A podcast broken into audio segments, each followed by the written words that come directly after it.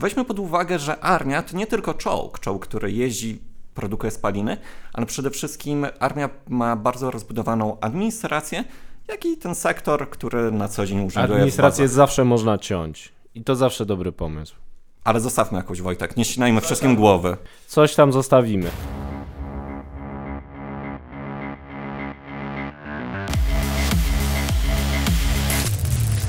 Dzień dobry Państwu. To kolejne spięcie biznesalert.pl. Ze mną jest niezawodny Marcin Karwowski, sam nazywam się Wojciech Jakubik i dzisiaj rozmawiamy o Armii Zielonej. Czy Armia Zielona, zazieleniona będzie silna? Spróbujemy odpowiedzieć na to pytanie. Zapraszam. Zielona armia i trzeba uważać z zielonymi żołnierzami. Śmialiśmy się tutaj na backstage'u, żeby nie mylić zielonej armii z zielonymi ludzikami. Yy, zacznijmy od tego, dlaczego rozmawiamy o zazielenianiu armii. Armia, siły zbrojne mają się zajmować obroną naszej e, kochanej ojczyzny, a tu nagle e, próbujemy łączyć ten temat z polityką klimatyczną. Kto to robi i dlaczego? Przede wszystkim dobrze powiedziałeś, Wojtku, łączymy ten temat, a nie stwierdzamy, że armia ma raptem się tylko tym zajmować. Podstawowym zadaniem armii było, jest i będzie obrona niepodległości, zarówno naszych, jak i naszych sojuszników w ramach NATO. I ani NATO, ani Unia Europejska nie próbują tego zmienić kosztem zmniejszenia emisyjności. Jednakże, jak tutaj zapytałeś, dlaczego o tym rozmawiamy? Z tej przyczyny, że przemysł zbrojeniowy, armia, jak i cały sektor obronny odpowiada obecnie za 5,5% emisji gazów cieplarnianych. Dużo czy mało? Sporo. Wyprzedzają go tylko Indie z 7,3 i Unia Europejska z 6,7. Czyli gdybyśmy coś zrobili z emisyjnością armii, to byłby widoczny wpływ, bo zniknęłaby emisja porównywalna do tej, którą na przykład mają Indie. Dokładnie. Ale nie poprzez likwidację armii, bo chyba nie o to chodzi. Nie, nie stajemy się raptem wszyscy pacyfistami, gdyż bronić się trzeba, jak pokazuje nam sytuacja na Ukrainie. Jednakże wracając do tematu, to sekretarz generalny NATO, Jens Stoltenberg, powiedział, że nie możemy wybierać między zielonymi a silnymi siłami zbrojnymi. Potrzebujemy jednocześnie silnej i zielonej armii. Da się? Według niego się da. A według ciebie?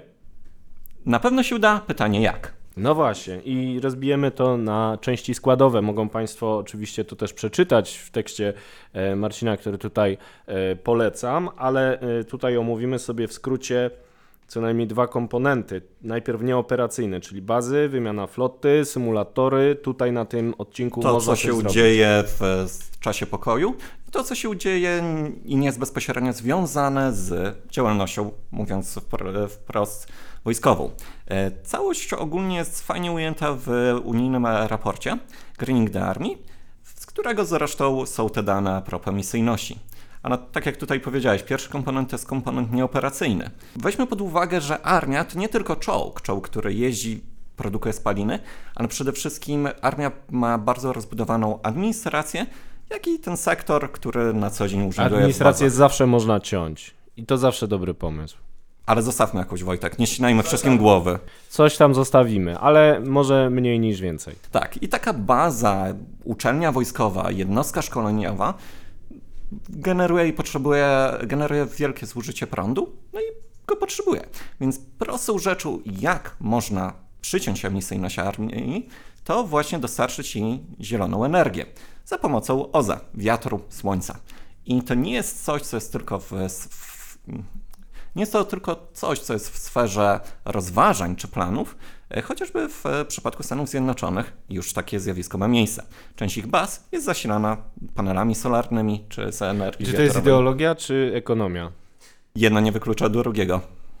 No właśnie, to powiem jeszcze y, z zaplecza, że mając y, takie zielone studia na Kolegium Civitas, miałem też jednego ze studentów, który przedstawił taki projekt, jak budynki wojskowe pod opieką Ministerstwa Obrony Narodowej też można zazieleniać i pokazywał, jaki jest rachunek oszczędności ekonomicznych. Czyli nie chodzi tylko o planetę, ale chodzi też o portfel. A portfel jest ważny, szczególnie jak będziemy pierdyliardy wydawać na zbrojenia, oczywiście potrzebne. Dokładnie. Oszczędźmy w jednym miejscu, żeby móc więcej wydać w drugim. A jak? Tym samym wszystkie bazy, akademie można zasilić zieloną energią. Pamiętajmy też, że generał, który w razie konfliktu będzie dowodził siłami zbrojnymi, Też nie może emitować za dużo. nie może emitować, a emituje chociażby używając samochodu, służby, który oczywiście mu się należy do przemieszczania się zarówno po naszym kraju, jak i wszędzie indziej. Ten samochód również może być zielony. To nie jest wóz pancerny. Ale nie chodzi o lakier, nie chodzi o lakier. bo to na pewno będzie. Chociaż może. Może, nie Pamiętajmy, przeszkadza. tak, jak najbardziej. Ekologiczna farba oczywiście. Ekologiczna farba i ekologiczny przede wszystkim samochód. I tutaj też zarówno Austria, jak i USA wymieniają swoją flotę pojazdów nieoperacyjnych, którym na przykład taki oficer jest wożony, na te e, ekologiczne. No więc ekologiczne samochody jak najbardziej dla oficerów, dla zwykłych żołnierzy też, każdemu po jednym najlepiej. E, tak byśmy pewnie chcieli, może tak dobrze nie będzie. Chciałem Cię jeszcze o jedną rzecz zapytać, bo ona rozgrzała mocno Twittera, bo e, jest też element ćwiczenia na symulatorach. Pojawił się taki zarzut, że Zielona Armia nie będzie w ogóle w polu ćwiczyć, tylko wszyscy na symulatorach w jakimś Matrixie, a potem e, w sytuacji prawdziwego testu zawiodą. Pamiętajmy przede wszystkim, że ani Unia Europejska, ani na tak mówię, nie nakłania, żeby armia totalnie nie emitowała dwutlenku węgla. Żołnierz musi swoje wystrzelać, wyjeździć i wylatać, żeby być efektywnym na polu bitwy. Niemniej można to zmniejszyć właśnie za pomocą szkoleń i symulatorów. To też nie jest nic nowego, od lat e, funkcjonują na naszych uczelniach. Czy symulatory lotnicze, w końcu komuś, kto nie zna nawet podstaw, nie powierzy się samolotu, czy symulatory służące do ćwiczeń strzeleckich, na którym swoją drogą miałem przyjemność być i korzystać na naszym śnieżniku. W ten sposób żołnierz może załapać, mówiąc kolokwialnie, pewne podstawy, a później doszlifować już faktycznie, czy z użyciem broni, czy na samolocie treningowym, a ostatecznego doświadczenia nabrać, nie daj Boże, w przypadku konfliktu. No właśnie, i wychodzimy w pole. Y, Teraz komponent operacyjny. W jaki sposób na tym odcinku można zazieleniać armię? Przede wszystkim, jeżeli chodzi o komponent operacyjny, to kwestie czoł- zielonych czołgów, nie mówimy tu ponownie o malowaniu, to jak najbardziej się zdarza, to jest jeszcze bardziej kwestia science fiction. Niemniej część komponentu operacyjnego, czyli e, pojazdów, samolotów, można częściowo zazielenić, chociażby używając mieszanek z biopaliwem w przypadku samolotów. Tutaj Szwedzi już przeprowadzili pierwsze badania i w przypadku ich myśliwców nie spadły osiągi, mimo że wykorzystano częściowo biomieszankę. Ale elektryki, wodór jeszcze nie dzisiaj, na dużą skalę. Jeszcze nie dzisiaj na dużą skalę, chociaż i tutaj mamy pewnych prekursorów. I oddalmy się trochę od zachodu do Korei, e, uściślając Korei Południowej, która chociażby wyprodukowała e, pojazd K-151 Raycold, który jest tutaj w użytku, e, który jeszcze nie jest w użytku operacyjnym, ale jest projektem zasilanym przez wodór. Ale Europa nie gęsi swoje elektryki mają i tutaj przoduje e, Wielka Brytania, która do 2025 roku ma zakończyć projekt hybryd właśnie w, do użytku tutaj dla armii. USA jest trochę w tyle. Swój projekt hybryd e, ma zakończyć do 2035, ale co ciekawe, do 2050 mają wprowadzić elektryki też w przypadku pojazdów operacyjnych.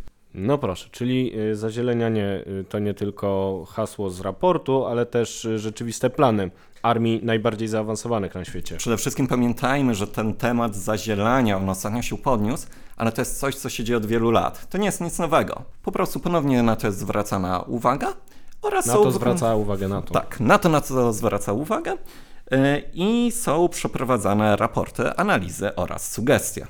Dodam od siebie tyle, że dzisiaj jeszcze potrzebujemy paliw kopalnych do tego, żeby zaopatrywać chociażby czołgi, które potrzebują wielkiej mocy i nie ma takich silników alternatywnych, które by ją dały. Dzisiaj, dzisiaj.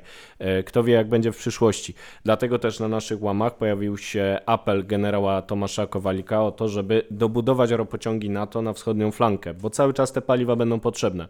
Ale przecież zależność od paliw kopalnych z jednej strony może być przewagą armii, jeżeli ma dostęp do tych paliw, ale może być też jej słabością, jeżeli dostęp do tych paliw zostanie zagrożony.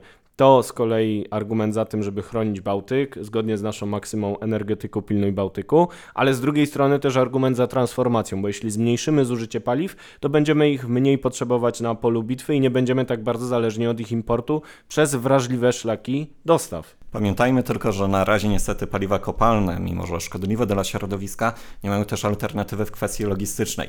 Łatwiej przetransportować zapas paliwa czy ropy, czy olejów napędowych, niż e, zmagazynować energię elektryczną i dostarczyć w warunkach polowych. I tu wchodzą paliwa syntetyczne, nie tylko biopaliwa, ale y, różne właśnie paliwa, które nie są pochodzenia kopalnego, a jednak mogą trafić do takiego ropociągu. I one też mogłyby kiedyś płynąć takim ropociążkiem gdzieś z Niemiec przez Czechy do Polski, jak chciałby właśnie generał Kowalik, którego z tego miejsca e, pozdrawiamy. Na koniec pytanie takie bardziej filozoficzne. To znaczy, Słucham. Jak pogodzić chęć zazieleniania armii z koniecznością zachowania jak największej gotowości operacyjnej. roztropniej do tego właśnie ponownie, czy wspomniany raport, czy na to nakłania, gdyż y, możemy zmniejszyć tam, gdzie można to przeprowadzić bezpiecznie powoli, czyli w tym komponencie nieoperacyjnym i planować jak na przyszłość na spokojnie i bez szkody dla obronności wymienić komponent operacyjny. Tak, czyli te Januszowe heheszki z Zielonej Armii nie są do końca uzasadnione. Warto zgłębić temat dzięki e, tekstowi e, Marcina, który jeszcze raz e, polecam. My go będziemy cały czas drążyć. Cały Również czas. polecam. Tak, tak. Będziemy y, też rozmawiać z generałami i nie tylko o Zielonej Armii, która być może e, kiedyś y, faktycznie się zazieleni, ale na dzisiaj najważniejsze jest to, aby skutecznie broniła granic naszych i granic sojuszników i tak na pewno będzie w co szczerze wierzę. Marcin, dziękuję Ci bardzo Dziękuję również, Wojtku. e, za rozmowę, Państwu za e, oglądanie, słuchanie. Zapraszam do śledzenia nas nie tylko na YouTubie, także w innych mediach społecznościowych. Prosimy o subskrypcje, lajki i zapraszamy już za tydzień na kolejny odcinek z pięcia biznesalert.pl.